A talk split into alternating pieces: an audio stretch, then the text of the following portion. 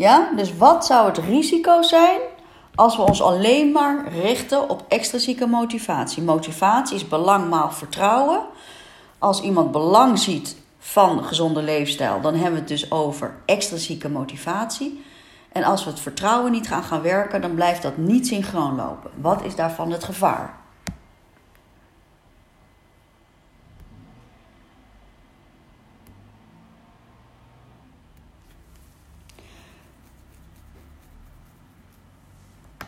Uh, nee, het belang hoeft niet per se minder te worden hoor, uh, Maurice. iemand kan dus gewoon echt wel het belang ervan inzien, maar daar gewoon niet het vertrouwen hebben dat het gaat werken.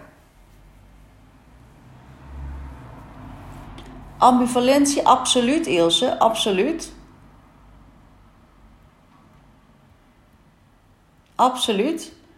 Ligt te veel buiten zichzelf en dan krijg je, en, en het gevaar dus, als we al, al, al, ons alleen maar richten op die extrinsieke motivator, dus die cue, die cue die haar heeft aangezet om een gezonde leefstijl te starten, namelijk haar partner die nu een te hoge bloeddruk heeft en daarvoor medicatie moet krijgen. Haar motivatie gaat omhoog, we hebben net ontdekt, doordat zij inzien dat er wat moet gebeuren in die leefstijlverandering, in dat gezin. Ja? Motivatie weten we is belang maal vertrouwen.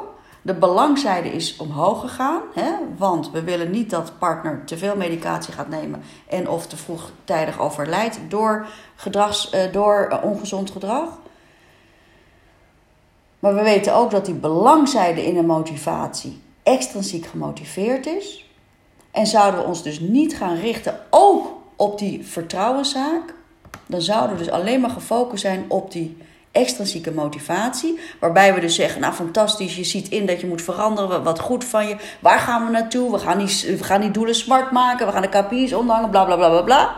We vergeten daarbij de kant van het vertrouwen. En het gevaar is natuurlijk dat er dus een, een, een, onevenwichtigheid ontstaat in de extrinsieke en de intrinsieke motivatie.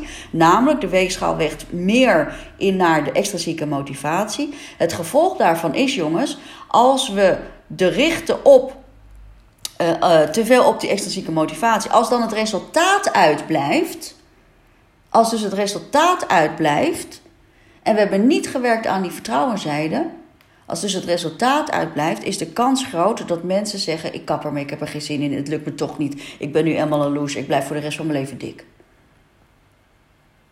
Snap je wel? En inderdaad, Miranda, je zegt het goed, het vertrouwen in jezelf is er dan nog niet. En als het vertrouwen er niet is, kan jij dus moeilijker omgaan met een tegenslag. Dus dat vertrouwen, dat moet er in een mate moet het aanwezig zijn. Wil je om kunnen gaan met die tegenslag? Namelijk die tegenslag dat het resultaat minder is dan verwacht, weet je wel? Hoe vaak gebeurt het niet dat mensen prima afvallen, maar op een gegeven moment stoppen omdat het resultaat tegenstaat? Dat heeft dus te maken dat de motivatie naar beneden gaat omdat de balans weg is tussen belang en vertrouwen. Motivatie nogmaals, motivatie is belang maal vertrouwen.